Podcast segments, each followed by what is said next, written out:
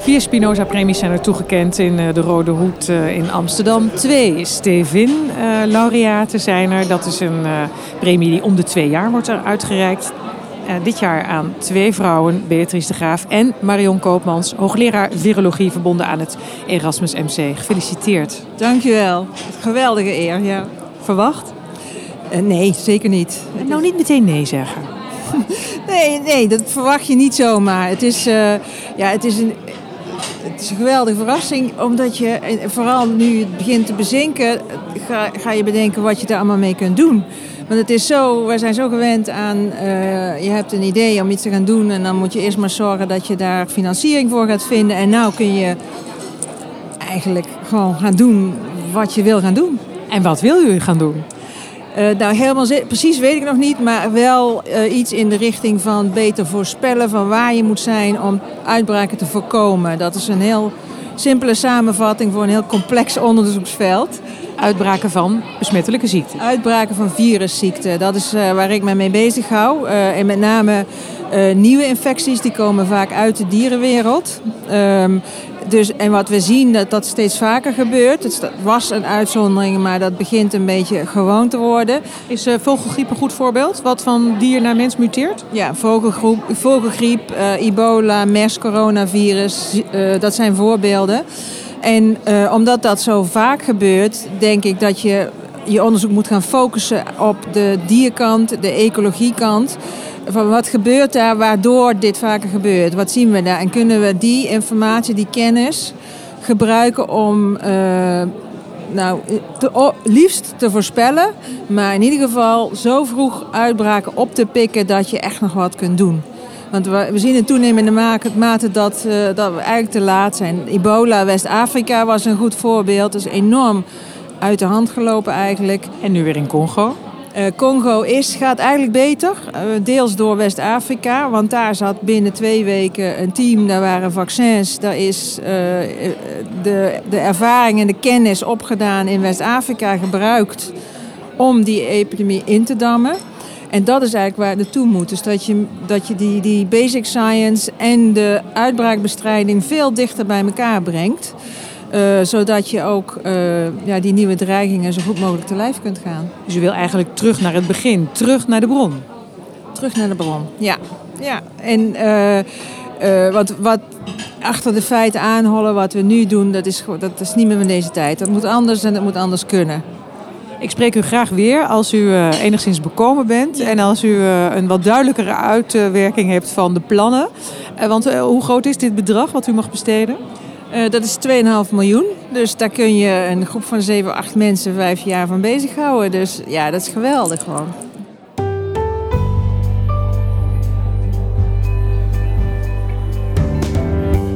De andere vrouwelijke laureaat naast Marion Koopmans is Beatrice de Graaf. Heel ander soort onderzoek, maar niet minder belangrijk. Misschien nog wel meer. Of zou u dat niet voor uw rekening willen nemen? Uh, dank u wel. Nou, het interessante van uh, de twee Stevin-premies, zoals die nu zijn toegekend, de laureaten, is dat uh, Marion Koopmans doet onderzoek naar het komen en gaan van virussen en het uitbreken en het verspreiden van virussen. En we hadden het er net samen over. Ik doe onderzoek naar het komen en gaan van terrorismegolven en het verspreiden van terroristisch gedachtegoed en het proberen te containen ook van dat gedachtegoed. Dus interessant genoeg zitten daar wel degelijk, als je het op, op, het niveau van systeemtheorie bekijkt, zitten er wel echt overlap en raakvlakken. Dus, dus in zoverre zoverre uh, konden wij elkaar wel wat vertellen. Verder ben ik heel erg blij met deze prijs. Uh, want ik ben een historicus, dus ik vind het ook een opsteken voor het vakgebied. wij, wij leveren niet meteen een medicijn voor een virus of een medicijn tegen terrorisme. Was dat er maar, dat doen wij niet. Maar wat wij doen is dat we eigenlijk op twee sporen eerst diepe kennis ophalen. Wat werkt er in het verleden? Hoe bestrijd je terroristen? Hoe werken inlichting en veiligheidsdiensten? Wanneer werken ze goed, wanneer niet? En dat we dan de toepassing maken naar het heden. Uh, in, in, heel, in het, in het um, heel concreet ben ik echt letterlijk teruggegaan naar de basis, naar de basisscholen. Die vroegen mij al heel vaak in Utrecht, waar ik vandaan kom, uh, help ons nou eens uh, les te geven over terrorisme. Want die kinderen vanaf groep 4, die weten alles al. Die zien filmpjes van de IS, die zitten op Al Jazeera. Die krijgen al die kennis al zomaar ongefilterd in hun hoofdjes. Wat moeten wij daar nou tegenover stellen? Sommige van die slimme jongetjes, die weten dan helemaal hoe een Kalashnikov werkt en alles. En die weten meer dan de docenten. Dus geef ons nou eens verantwoorde kennispakketjes om echt acuut, als er een crisis of incident is, die kinderen daarover te vertellen. Nou, dat zijn zijn we nu aan het maken, een mobiele app. Het loopt ook al een jaar, dus een pilot. En die kan ik nu echt, en ik, ik zocht eigenlijk nog naar geld en die kan ik nou verder uitrollen. Dus. Nou, er is nu 2,5 miljoen voor beschikbaar. Wat heerlijk. En wat ook bijzonder goed um, inderdaad in deze huidige tijd, hè, in deze uh, maatschappelijke context. Want terrorisme, nou ja goed, daar bent u zelf ook zeer uh, bekend uh, voor, hè, om als terrorisme-deskundige overal op te treden. Maar dat dit geld daarbij zo goed van pas komt. Ja, nou dat is echt heerlijk. Dat je niet weer dat de tredmolen in moet van weer nieuwe aanvragen, maar dat het nu gewoon hè, in je schoot valt. Nogmaals gefeliciteerd en veel plezier ermee. Dank u.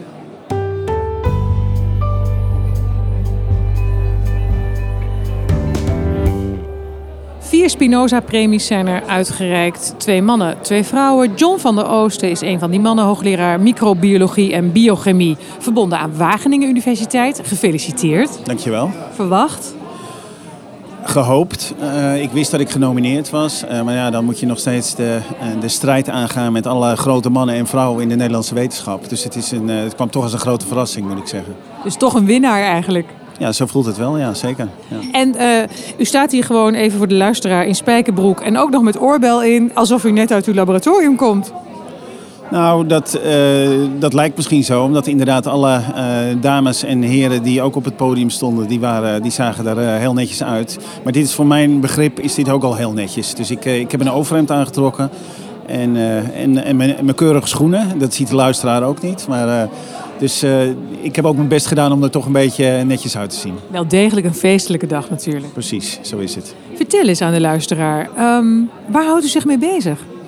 Ik ben microbioloog en wij zijn een jaar of tien geleden zijn we begonnen met het bestuderen van uh, de interactie van virussen en bacteriën. Want net als dat wij uh, mensen last hebben van virussen en net als dat planten last hebben van virussen, hebben bacteriën dat ook. En wij hebben uh, afweersystemen daartegen ontwikkeld en dat hebben bacteriën ook. Anders zouden er geen bacteriën meer zijn.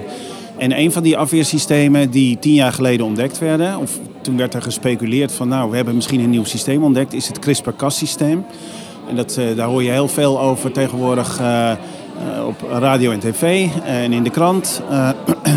en dat is een, een, een, nieuwe manier om om het DNA te veranderen. En dat, dan kan je denken aan de, aan de biotechnologie, maar je kan ook denken op een gegeven moment aan het repareren van genetische schade bij, bij mensen. Dus het, het herstellen van genetische ziektes. En dat is waar nou heel veel collega's over de hele wereld heel druk mee zijn.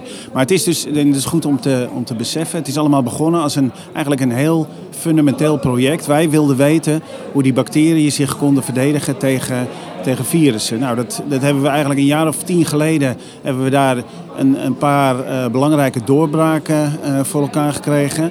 Uh, en dat betekent dat we toen begonnen te begrijpen hoe het systeem werkte. En met die kennis is in de loop der jaren zijn we zover gekomen. En we, dat, is dan eigenlijk, dat zijn collega's over de hele wereld. om om dit, dit systeem, dus het CRISPR-Cas systeem, in te gaan zetten. Wat ik net al zei, voor allerlei toepassingen. En u krijgt daar nu 2,5 miljoen voor om dat te gaan inzetten daadwerkelijk. Om dat verder te brengen. Wat is de grote vraag? Wat is het vergezicht waar u naartoe wil? Nou, dat is een, natuurlijk een fantastisch bedrag. en dat, waar ik... Uh, waar ik aan de ene kant aan denk is, uh, er zijn nog een aantal uh, belangrijke vragen van het CRISPR-Cas-systeem. Een aantal, aantal zaken die we op willen helderen. Zoals? Of willen verbeteren. Uh, nou, er zijn een aantal limitaties aan het systeem. En uh, um, dat voert een beetje ver om dat in detail uh, aan te geven. Maar voordat, een, vo voordat we een, een, een, een verandering door kunnen voeren op een, bepaald, op bepaalde plek in het DNA van een plant of van een, van een menselijke cel. er zijn uh, restricties, dus, dus het kan niet zomaar overal. Omdat er een klein stukje DNA moet herkend worden. En dan kan je, kan je het systeem daar laten binden en laten knippen. En dan kan er een reparatie optreden. Nou, nu zijn we uh, aan het proberen om, om daarvan af te komen. Dus dat je, dat je het eigenlijk overal kan laten knippen. En dat kan misschien met CRISPR-Cas-systemen, maar waar we op dit moment ook mee bezig zijn, is om een, een ander afweersysteem van bacteriën, om daar iets mee te gaan doen. Want dat hebben we een jaar of uh, vier geleden hebben ontdekt dat, uh, dat er nog een tweede systeem is. En dat kan ook DNA knippen. Het probleem is dat het alleen niet zo efficiënt gaat als, uh, als het CRISPR-systeem. Maar het voordeel is dat, uh, dat je daar niet te maken hebt met die restrictie die ik net noemde. Dus een motief op het DNA wat nodig is om, om te laten binden en te knippen. Dat heeft dat nieuwe systeem niet. Uh, en uh, nu is het dus uh, zaak dat we dat systeem efficiënter krijgen. En daar is heel veel werk voor nodig, maar daar hebben we ideeën voor. We willen bijvoorbeeld in de, in de natuur gaan kijken wat er al in de natuurlijke evolutie eigenlijk allemaal bedacht is. En als dat niet lukt, dan hebben we daar zelf ook ideeën over om met synthetische biologie zaken in elkaar te gaan knutselen. Dus ook multidisciplinair, als ik het goed begrijp. Dat is zeker multidisciplinair. En verder is het ook, dat, ook zo dat een van de andere uh, Spinoza-winnaars van uh, vandaag, uh, Marileen Dochterom uit, uit Delft, daar werken we sinds een jaar ook mee samen. Een heel groot project, een NWO zwaartekrachtproject. en daar willen we met, met een aantal labs in Nederland gaan proberen om een synthetische cel te maken. Dus dat is ook heel uitdagend. Daar hebben we van NWO heel veel geld voor gekregen. Maar het is niet genoeg. Dus daar kunnen we ook zeker een deel van, het, uh, van de Spinoza-premie zouden we daarvoor kunnen gaan inzetten. En Marjolein Dochterom werkt weer samen voor een deel met Anna Akmanova. Dus dat wordt een uh, mooie gathering van Spinoza-laureaten, 7,5 miljoen. Nou, zo is het één grote familie. En er, er was nog één uh, Spinoza-winnaar en die zat nog niet uh, in de samenwerking. Maar daar hebben we net al mee gepraat en uh, misschien zijn daar ook nog mogelijkheden. Karsten de Dreu, jullie hebben een taakje voor hem bedacht? Ja, we hebben, we, hebben, nou, we hebben in ieder geval bedacht om eens een keer met hem om de tafel te gaan. En, en te kijken of, we inderdaad, of hij daar een, een, een zinvolle bijdrage kan, kan leveren. We zijn benieuwd. Hartelijk dank en geniet van deze dag. Graag gedaan, bedankt.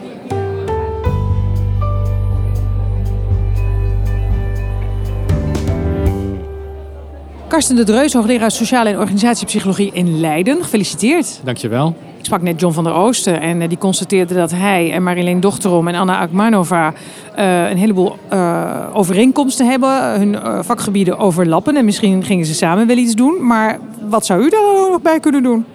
nou, dat ga ik ze zeker een keer vragen. want het klinkt wel heel erg leuk wat ze doen. En het is natuurlijk ook top wat ze doen. Dat is vandaag wel bewezen. Um, maar wat dat precies is en of daar überhaupt een link te leggen is, dat, uh, dat weet ik niet. Kijk, ze zijn natuurlijk echt op het micro-microniveau bezig. En ik kijk naar het gedrag van mensen. En daar zijn cellen en hormonen en, en neuronen ook allemaal heel erg belangrijk. Uh, daar kijken we ook naar. Maar ik denk dat zelfs dat nog, we, wat we dan zeggen, een niveau van analyse is wat ver weg ligt van wat zij doen. Dus er zit wel heel veel, heel veel stappen tussen. Dus, uh, maar ik wil zeker meer weten over wat zij doen. En ongetwijfeld inspireert dat ook weer tot iets. Wellicht zelfs iets samen. Het hoeft ook niet dat de Spinoza-laureaten natuurlijk iets samen gaan doen. Maar misschien uh, zou het inderdaad aardig zijn. Als u aan uh, mijn luisteraars zou moeten vertellen waarom u deze premie nu gekregen heeft. Wat zou dan uw antwoord zijn? En laat het niet zijn, dat weet ik niet. Moet u aan de jury vragen. Nou, dat sowieso, want die hebben het bedacht.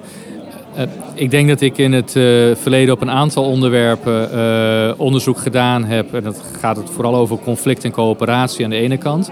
Creativiteit en innovatie aan de andere kant. En ik denk dat ik op die twee thema's um, ja, wel een aantal ontdekkingen heb gedaan. Die, die nou ja, ook elders in de wereld wel opgepakt zijn. En waar onderzoeksgroepen mee verder gegaan zijn. Um, Noem eens zo'n ontdekking.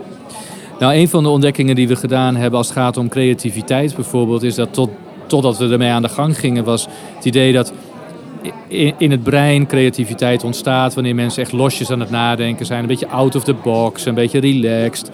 En wij dachten van ja, dat is ongetwijfeld zo. Maar we zien toch ook heel vaak dat creativiteit de uitkomst is van... het lijkt wel hard werken, gewoon blijven kraken. Nou, dat, dat, die intuïtie zou je kunnen zeggen, die zijn we heel systematisch gaan uitzoeken. En we hebben inderdaad ontdekt dat je net zo creatief kunt worden door gewoon hard te werken als via dat out of the box en losjes. Is dit een bom onder hijsessies? Waar gebrainstormd wordt met de voeten op tafel? Nou, dit is niet een bom onder de hijsessies, maar het is wel, laat ik zeggen, een bom onder het idee dat als je creatief wil worden, je in bed, bad of bus moet gaan zitten. Um, want dan alleen daar komen de creatieve ideeën.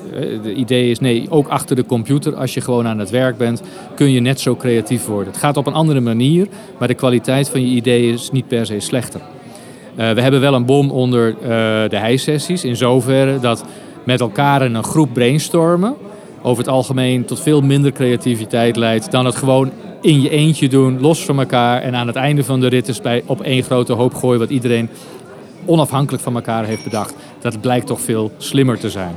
Dus in die zin, hij-sessies zijn heel nuttig voor van alles en nog wat, maar niet om creatiever te worden. Goed, een aantal ontdekkingen heeft u dus wel op uw uh, konto geschreven. Wat gaat u met uh, dit fantastische bedrag van 2,5 miljoen doen? Weet u het al? Nou, ik heb onlangs een, uh, een soortgelijke subsidie gekregen van de European Research Council. Daar ligt een onderzoeksvoorstel aan ten grondslag. En dat ga ik in de komende vijf jaar doen. Daar kijk ik naar de mogelijkheid dat klimaatverandering en economische onzekerheid uh, groepen tegen elkaar op kan zetten. En ook tot intergroepsconflicten, opstanden, et cetera, kan leiden. Je zegt nu al dat uh, vluchtelingenstromen het gevolg zijn van uh, klimaatverandering en droogte nou, en watertekort. Ja, nou dat is een van de hypotheses. En dat is ook door collega-wetenschappers goed gedocumenteerd. Maar er blijven nog een heleboel vragen open. En onder andere, wat gebeurt er nou binnen mensen en tussen mensen wanneer die omgevingsstress toeneemt? En daar wil ik uh, met die uh, grote grant naar gaan kijken. Dat zal veel van mijn tijd in de komende jaren ook opslorpen. Er blijven nog wel een aantal vragen liggen. Eén daarvan is dat die omgevingsstress zien we dat mensen er soms ook op reageren door te innoveren. Door zelf nieuwe oplossingen te bedenken om met die stress om te gaan. Nou, daar kom ik binnen die research grants niet aan toe. En de premie, de Spinoza-premie, kan ik nu gaan gebruiken om eens een eerste aanzet te doen om te kijken wanneer reageren we nou op stress door ruzie te zoeken en wanneer reageren we nou op diezelfde stress door te innoveren. Wat zet die wissel om? Nou, daar kan ik nu mee aan de gang. En dat is super, dat is fantastisch. Fantastisch dat je je geen zorgen hoeft te maken over die funding. Dat is zeker fantastisch. Ik bedoel, tot dusver was het in mijn loopbaan zo. Ja, je kreeg een idee. En dan moest je eerst een grant schrijven. En maar hopen en bidden dat je hem zou krijgen. En dan was het zover. En dan kon je eens een keer aan de gang. En dan was je vaak een jaar, anderhalf jaar verder. En nu is het in feite zo dat ik krijg een idee. En ik kan het bij wijze van spreken direct met, de, met mijn team gaan inzetten. Uh, of mensen in mijn team krijgen een idee. En dan kan ik zeggen, oh wauw, ja dat moeten we doen. En dan kan het gewoon. Dat is ongelooflijk. Dat is prachtig. Geniet nog van deze dag en succes met de plannen. Dankjewel.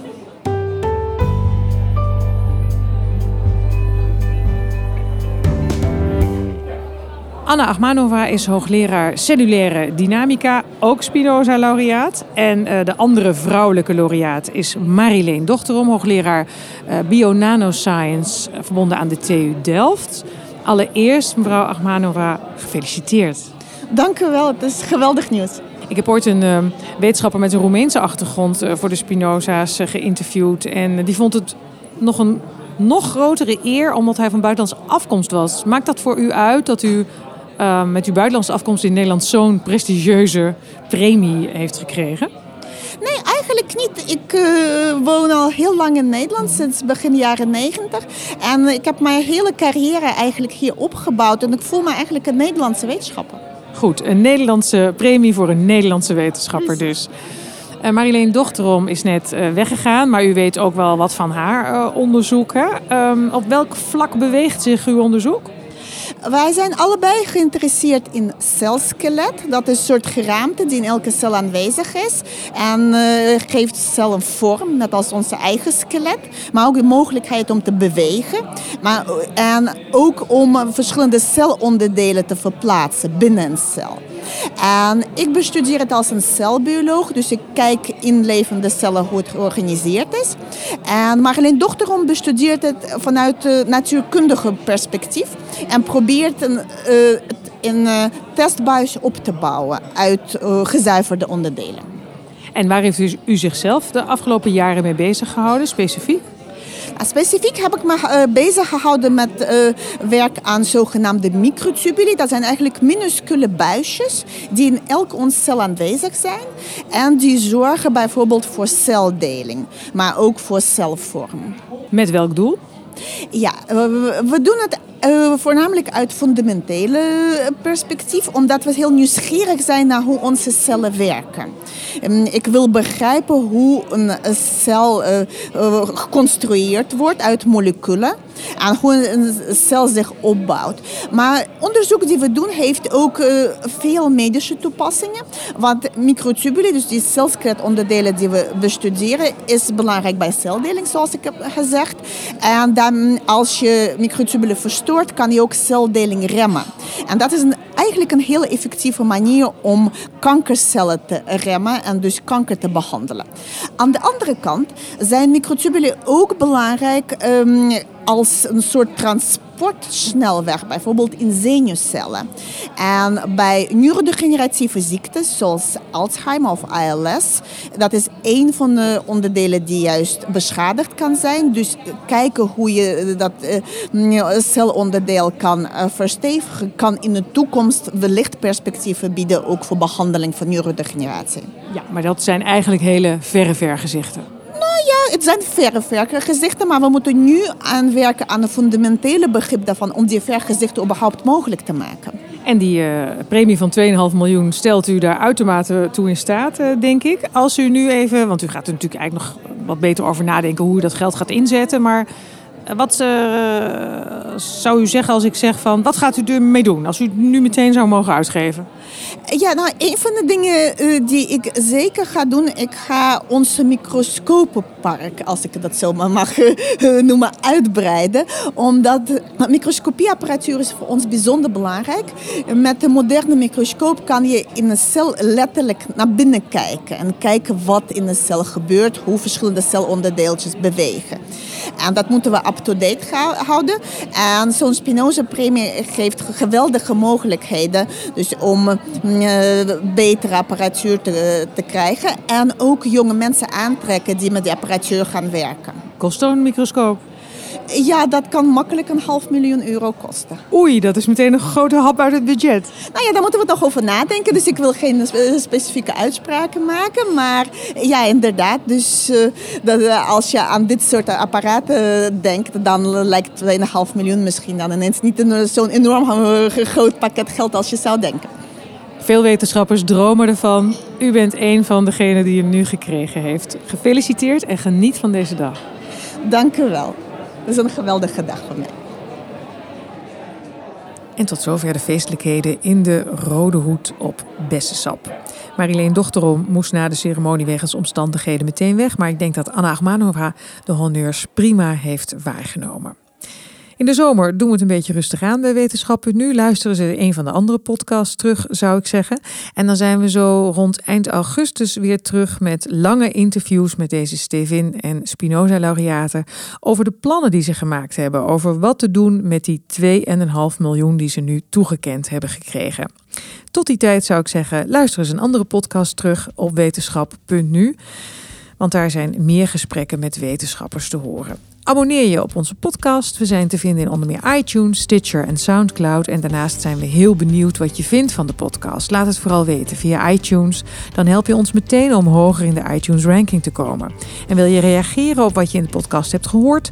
Dat kan via onze kanalen op Facebook en Twitter. Ook deze keer dank voor het luisteren.